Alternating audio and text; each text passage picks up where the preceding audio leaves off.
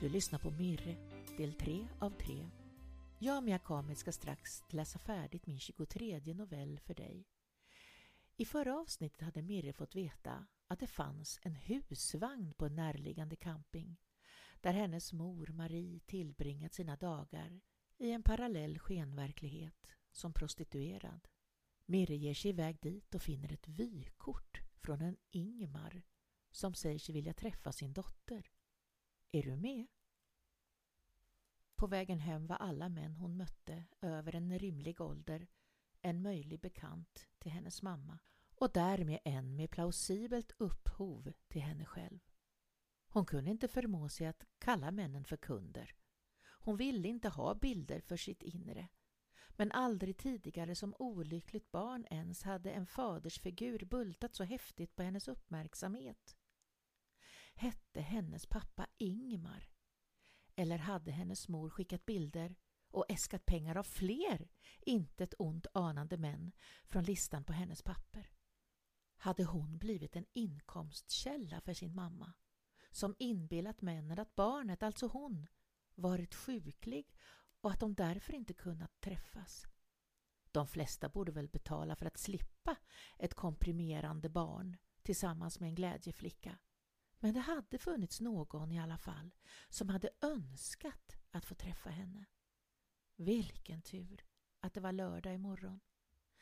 Det går inte att sätta skor på ett levande frågetecken. Ingmar. Att googla en kändis är enkelt. Spaltmeter med information, skvaller och fotografier. Att rota bland. Om vanliga doldisar står det inte mycket.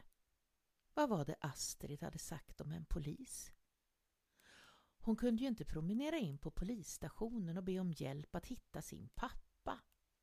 Men en polis kanske hade bättre kanaler. P.O. Dag, det var det sista namnet på pappret. På honom saknades visserligen adress, men han stod på pappret.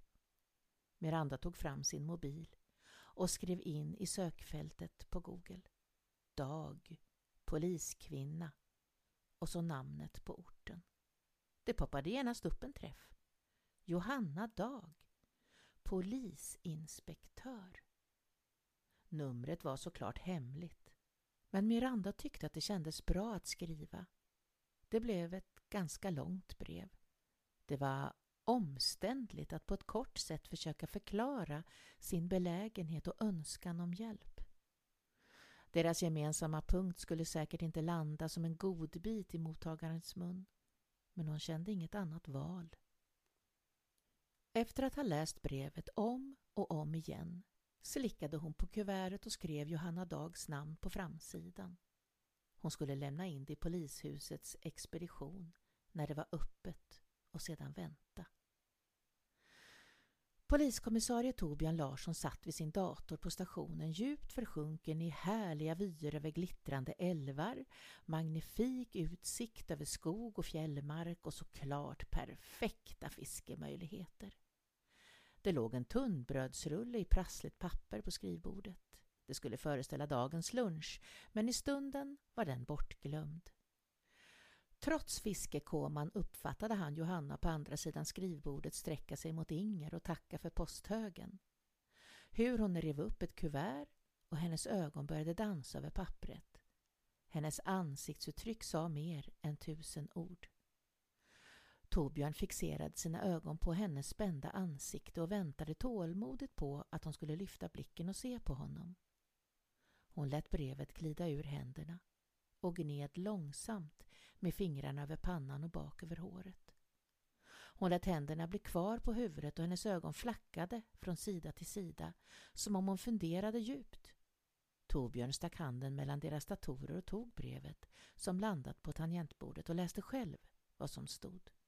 Jag måste ut härifrån, sa Johanna. Torbjörn reste sig och la sin tunna jacka över armen och höll ut sin andra som en uppmaning till sin kollega att följa efter. Han ledde kosan till bilen och tog under tystnad med Johanna till kyrkogården där hennes familj låg. De gick aldrig fram till stenen utan stod lutade i den svala junisolen mot motorhuven med utsikt över en böljande gräsmatta och hundratals stenar. Han är ju den ondskan som jag har mött på nära håll, sa Johanna.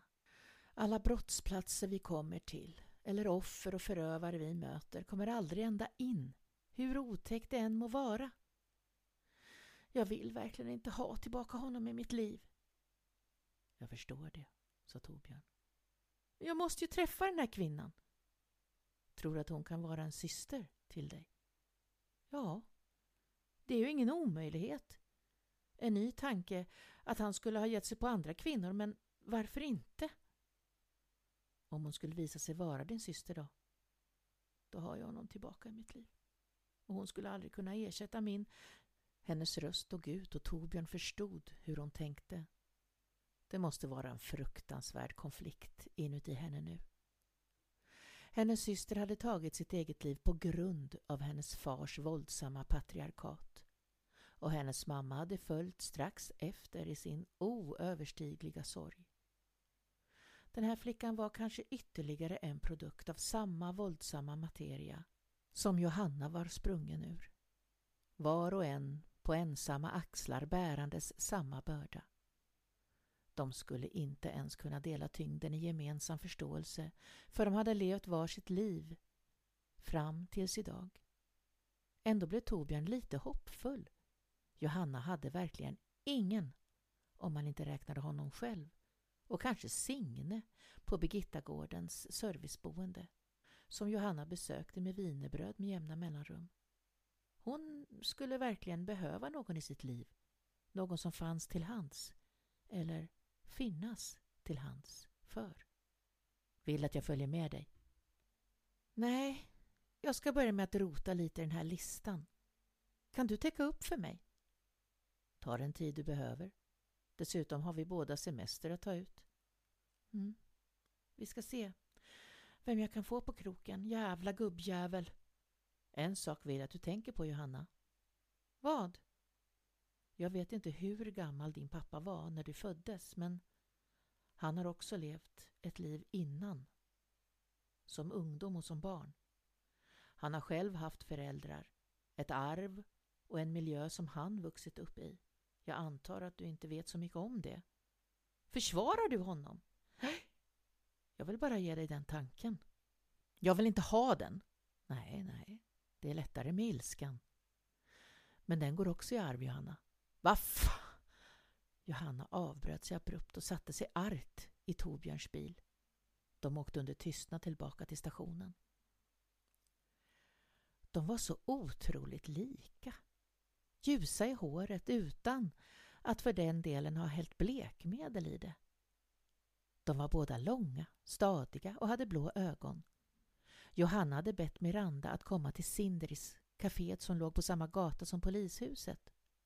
Johanna kände sig trygg där och hade en snabb reträttmöjlighet tillbaka till sitt arbete om det skulle behövas. Min eh, farsa var en våldsam jävel, började Johanna. Min syster och min mamma är döda på grund av honom. Jag är ledsen. Det hade inte varit Johannas mening att låta så hård och brus men orden hade vält upp ur henne och de behövde väl en stund för att de båda skulle ta sig upp och över den inledande uppförsbacken. Efter en besvärande tystnad tog Johanna fram några papper hon vikt och lagt innanför sin jacka. Hon vecklade upp dem och lutade sig framåt för att visa den nyfikna unga kvinnan. Torbjörn hade på sitt kontor inte fått en lugn stund. Johanna var tuff och kompetent men det här var en sårskorpa som pillat sönder så många gånger att det kokade av ett infekterat elände där under ytan. Hon hade arbetat så hårt för att hålla det ifrån sig och nu hade det kommit störtande från ett helt oväntat håll och slagit henne i nacken. Till slut hade han ringt upp kaféet och Anna, Sindrids fru, hade svarat. Med telefonen i örat hade Anna lyft blicken från sin plats bakom smörgåsdisken och berättat att hon såg två ryggar. Flickorna satt axel mot axel och deras ljusa raka hår gick knappast att skilja åt. De studerade något framför sig på bordet och de talade lågt med varandra. Torbjörn kände sig nöjd med Annas svar. Johanna hade delat den lilla informationen hon lyckats hitta om männen som stått med på Mirandas papper för Torbjörn. Det var några av dem som levde och kunde sökas upp för att höras upplysningsvis. Om de själva ville, vill säga, eftersom inget brott var begånget. Vad som däremot varit spännande läsning var det som Johanna bett sin bankkontakt skriva ut. Det var Marie Söderbergs insättningar och uttag de sista 40 åren av hennes liv. Torbjörn hade studsat på ordet bankkontakt och tittat förvånat på Johanna som genast ändrat sig till datorexpert vilket hade gett Torbjörn en ännu mera arg uppsyn istället. Det fanns regler och lagar om tillstånd för att få någons ekonomi utlämnad och det här var inte ett officiellt ärende överhuvudtaget. Johanna hade hållit upp händerna och sedan plockat upp en lunta och bläddrat bland papper och visat på ett antal återkommande insättningar från ett antal återkommande män. Årsvis, halvårsvis, kvartals eller månadsvis. Även sammanfallande med jul och andra högtider gick det att skönja ett mönster. Det var inga skyhöga summor, men ett antal tusenlappar per styck och det var frekvent och det hade varit fler än ett litet antal män. Vilken scam! Torbjörn hade undrat om insättarnas namn överstämde med dem på Mirandas papper. Johanna hade nickat och svarat de med adress. Båda två hade de mumlat ordet utpressning. Marie hade kanske hotat med att avslöja deras hemliga möten och begärt regelbunden betalning för sin tystnad. Däremot gav den informationen ingen närmare ledtråd till vem som var far till Miranda. Ett DNA-test var det enda sättet eftersom det kort och gott hade stått fader okänd på Mirandas födelsebevis. Torbjörn hade återigen tittat strängt på Johanna. Det var mot all moral att utnyttja sin position som polis för att skaffa sig insyn i sekretessbelagda handlingar för privatspaning. Johanna hade inte lyssnat på hans invändning utan bara fortsatt sin redogörelse. Nu satt enligt Anna de två flickorna med huvudena tätt ihop på Sindris café och talade lågt med varandra. Torbjörn var rädd för vad Johanna skulle hitta på härnäst för att stilla sin glupande nyfikenhet. Anna kom förbi bordet där flickorna satt och frågade mjukt om de ville ha påtår. Tack, sa Johanna, och två rena plastfoliebitar om du har. Ta gärna på dig rena plasthandskar om du kan det, det är ganska viktigt. Både Anna och Miranda tittade häpet på henne men Johanna flinade. Anna återkom strax med två gladpacksbitar som hon lossat från den stora rulle som hon plastade mat med. Tunna blå plasthandskar bar hon ofta och bytte ut ett otaligt antal gånger varje dag med tanke på de stränga regler som fanns för de som arbetade med mat. Tack, sa Johanna och log mot henne. Det här är Miranda. Vi ska ta reda på om hon är min syster eller inte. Hon högg en av de vassa knivarna som stod i en rund behållare på bordet. De var invirade, en gaffel och en kniv i en vit servett och hon nickade åt Miranda att göra detsamma. Sedan skulle hon precis skära sig i höger pekfinger då hon hejdade sig och bytte hand och skar sig kvickt i vänster ringfinger istället. Hon klämde över såret med fingrarna och tryckte ut så pass med blod så att det föll några droppar ner på den utvikta gladpacken.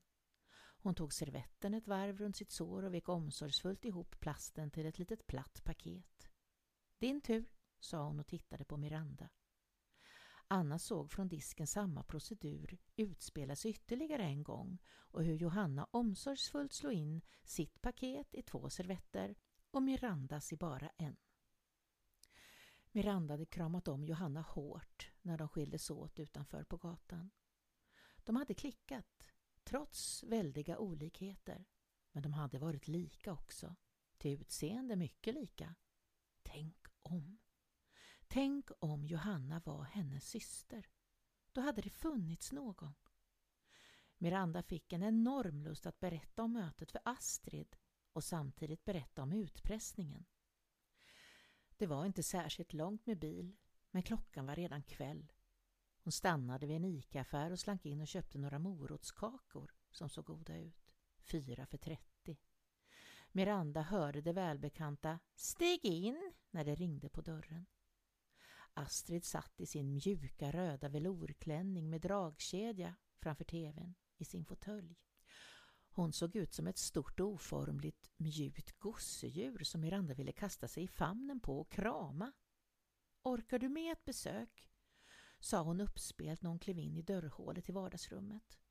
Då såg hon mannen i soffan. Han satt med jackan på och filtkepsen i handen. Sven!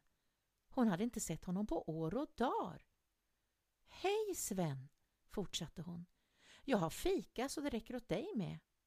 Mannens ögon fylldes sakta av tårar och både Miranda och Astrid såg förvånat på honom. Marie, fick han fram på inandningen medan snyftandet snabbt övergick till en våldsamt hulkande gråt. Marie! Det är Mirre, Maries flicka, sa Astrid. Miranda hade aldrig sett en äldre man gråta, inte på det ohämmade sättet förut. Och hon blev illa till mods. Vad skulle hon säga för att trösta mannen som helt klart översvallats av gamla känslor och minnen rörande hennes mamma?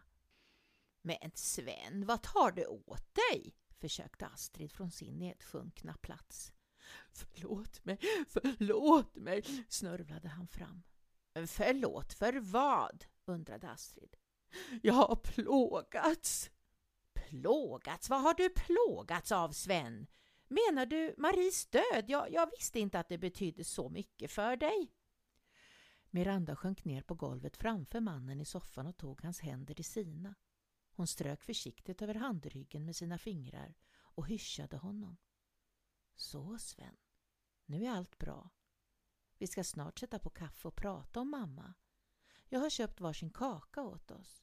Sist jag såg dig Sven kan jag inte varit mer än åtta, nio år. Att tiden går. Jag arbetar på en förskola i stan nu. Vitsippan heter den. Det går bra för mig. Jag trivs med mitt arbete och jag har jättefina vänner. Men jag har sån lust att komma hit ibland och träffa er från förr. Astrid har lovat att lära mig baka, baka sina goda kringlor. Jag proppade visst i mig dina sist jag var här, så jag är skyldig dig en fika. Hon malde på med ord, lät dem strömma mjukt och lite tyst ur hennes mun medan hon satt nära och strök hans hand. Hon gjorde precis likadant som hon brukade göra på jobbet när någon liten förtvivlat inte ville släppa taget om sin mamma eller pappa på morgonen.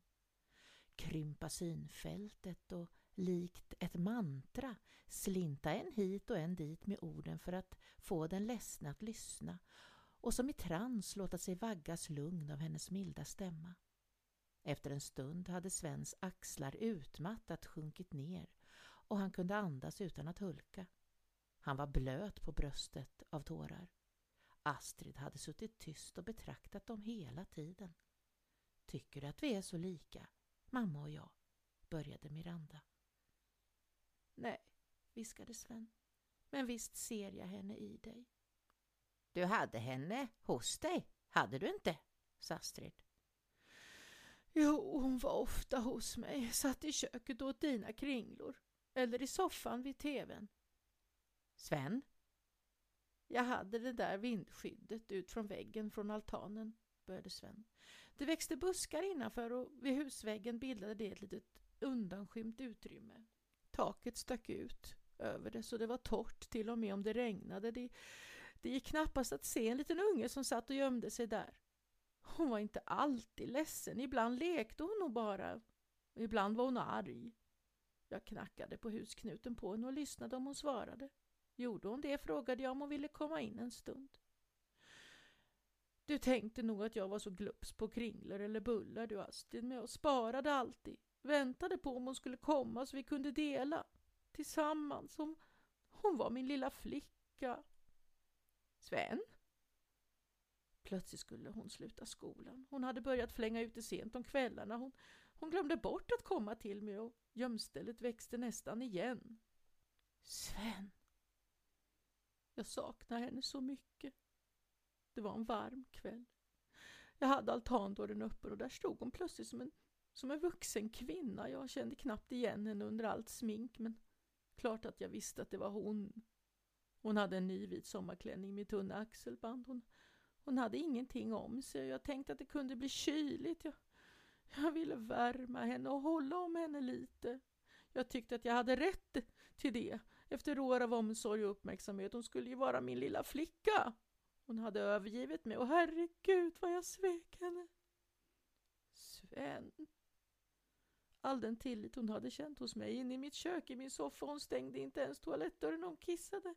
För hon var så trygg hon hade alltid så mycket att berätta för mig. Hon låg alldeles stilla under mig och rörde inte en fena. Vände huvudet mot väggen men blundade inte. Hon bara väntade tills det var över och sedan gick hon. Jag fick aldrig se hennes vackra leende mer. Jag hade förstört precis allt. Jag försökte tala med henne någon gång, men då svarade hon alltid med vad det kostade och att hon inte gjorde hembesök. Hur kaffekoppar kom på bordet den kvällen kunde Miranda knappast minnas, men det hade det. Och de hade ätit var sin kaka. Det låg bara en kvar på ett litet rött fat. Det var inte måttligt vad Sven led.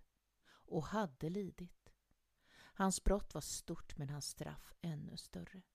Bottenlöst självhat och dömd att för alla tider leva ensam. Han hade haft en liten flicka, en liten fågel, som han lärt äta ur sin hand. Den hade litat på honom, men han hade inte kunnat motstå att sluta handen och krama den alldeles för hårt. Krossa det sköra för att aldrig se den flyga mer. Miranda var alldeles tom. Känslor hade haglat ner över henne de senaste dagarna som peppar och salt på en köttbit i en stekpanna. Hon visste inte vad hon skulle tänka. Hade hon fått en bild av mormor Sylvia förstått vad som fått hennes mamma att söka efter uppmärksamhet längre ifrån hemmet.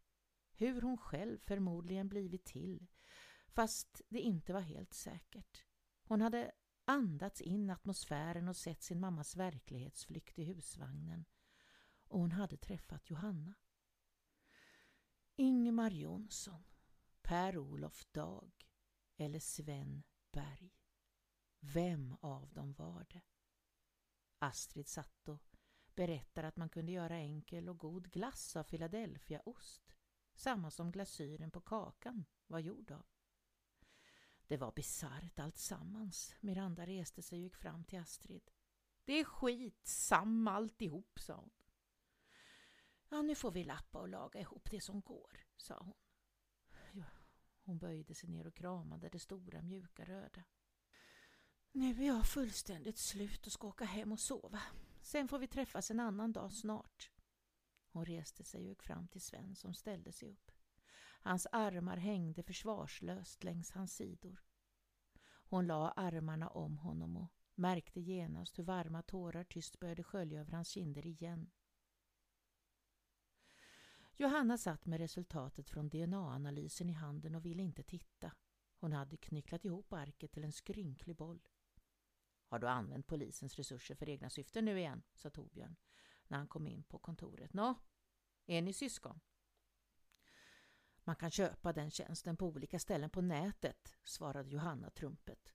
Har du det då? frågade Torbjörn och ledde hennes ögon med sina mot kuvertet med Tekniskas logga som låg på skrivbordskanten. Kanske, sa Johanna. Har du inte läst? Johanna skakade på huvudet. Torbjörn tog pappersbollen från hennes hand och började släta ut det. Det är inte viktigt, Johanna.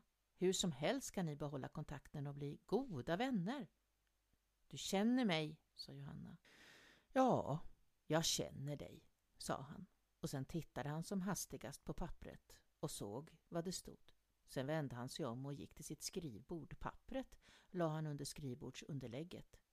Och sen satte han sina armbågar ovanpå. Mäh! Säg nu då, sa Johanna. Ja eller nej? Du kan tänka på saken lite först. Men jag ska träffa Mirre nu vid lunch. Låter trevligt, sa Torbjörn och scrollade på sin skärm. Det är dags att jobba nu, Johanna. De satt på Sindris för andra gången tillsammans, Mirre och Johanna. Mirre hoppades på att det inte var den sista. Det är något som jag måste berätta, som jag helst vill låta bli, började Miranda. Jag har också funderat på om jag ska säga en sak till dig eller inte, sa Johanna. De båda blåögda ögonparen såg in i varandras motsvarighet under tystnad. Miranda tog till orda först. Det finns en äldre man som bodde granne med min mamma när hon var barn. Han älskade tydligen henne som sin egen lilla flicka. De gled ifrån varandra när hon blev en utmanande och sökande tonåring och hans saknad efter henne drev honom oförlåtligt över en gräns när han sedermera träffade henne och han utsatte henne för ett övergrepp. Han berättade för mig att hans smärta var så stor och den grep mig, mer än avskyn mot hans stora svek. Hans kärlek till min mamma skulle kunna leva vidare i mig och både han och jag skulle kunna få något. Det skulle jag aldrig kunna få av din far. Varken som död eller levande, hur mycket jag än starkt och hett skulle önska att du var min syster. Brevet, började Johanna.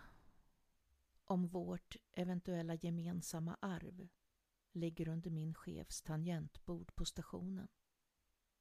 En del av mig vågade inte och den andra ville inte veta resultatet. Precis som du skulle jag vilja ha någon som du i mitt liv och kalla för min syster. Men i samma sekund som det blir ett faktum träder min far in på spelplanen igen i mitt liv. Han och allt som jag hatade med honom skulle spilla över på vår relation och han skulle följa mig som något mörkt och kallt som alltid skymde solen, värmen och självaste ljuset. Vad ska vi göra? Tystnaden mellan flickorna var outgrundlig. Problemet var som en gordisk knut. Drog man i den ena änden spände det i den andra och tvärtom. På ändra sättet skulle sanningen göra att något gick sönder. I entrén borta i tamburen stod en nyfiken och nervös Torbjörn Larsson och såg på dem genom ett till viss del frostat glas. Kanske inte göra något alls då, sa Johanna. Om du vill ha en våldtäktsman till far ser jag inget hinder. Du hade en våldtäktsman till far, replikerade Miranda. Ja, men jag valde inte det. Inte jag heller. Och det faktum om hur jag är avlad är lika illa åt vilket håll jag än vänder mig. Jag var inte ett önskat barn av någon. Jag förstår hur du menar, sa Johanna. Även om jag tror att alla föräldrar älskar sina barn på något sätt. På sitt sätt. Det sätt som är möjligt. Eller omöjligt. Det blev återigen tyst mellan flickorna. En tankfull tystnad. Och du och jag då? undrade Miranda. Hur blir det med dig och mig? Jag är här, sa Johanna och slog ut med handen. Men hon log inte och hennes ögon var allvarliga. Johanna kunde se att tårar steg i Mirandas ögon. Själv hade hon sin skyddande hårda fasad som alltid, när det blev känsligt eller något tenderade att krypa för nära hennes innersta. En skyddande sköld och överlevnadsstrategi. Hon var som en kackerlacka som skulle överleva helvetets bränder. Hugg och slag eller ensamhetens isande kyla. Om någon skulle beröva henne armar och ben skulle hon säkert finna ett sätt att utveckla nya. Dock slog Mirandas sökande efter tillhörighet an en sträng inuti henne och den var svår att backa undan ifrån. Kanske för att hon själv slog på densamma. Hon både ville och ville inte. Hon ville skrika rakt ut i frustration men kunde inte. Slå någon på käften men kunde inte.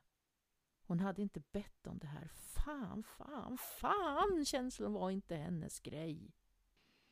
Det var jobbigt och det blev för trångt innanför hennes stela rustning. Anna som bröt det status quo som uppstått mellan de två flickorna. Plötsligt stod hon där vid bordet med rykande färska pannkaksknyten med blåbärssylt som var Johannas stora svaghet i livet. Tänkte Johanna att du skulle bjuda din syster på din favoriträtt när ni ändå var här. Det är ju ändå så lunchtid.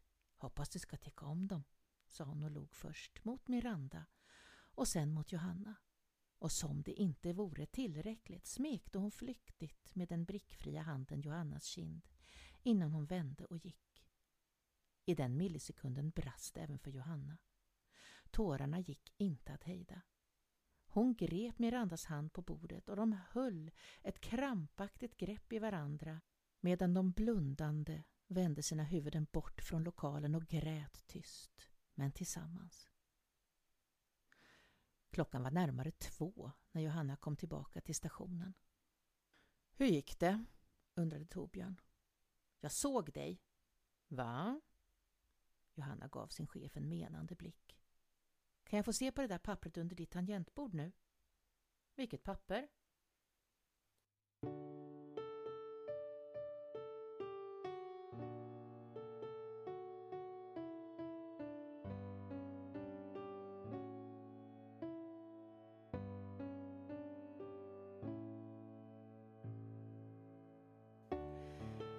Tack för att du har lyssnat. Jag tycker det är hjärteskärande med barn som känner sig oönskade eller går långa tider i livet med tomhet eller som Miranda, ett sökande. Det ligger mycket information om vem man är i sitt eget ursprung även om var och en har makten att forma sin egen person. Släktskap eller inte önskar jag Johanna och Miranda en lång vänskap och ett samförstånd i sin relation. Systerskap är något man känner inför någon och det kan säkert ibland vara starkare än banden mellan biologiska systrar. Säger jag som ingen syster har, men jag har ett systraskap. Det känner jag starkt och är mycket tacksam för.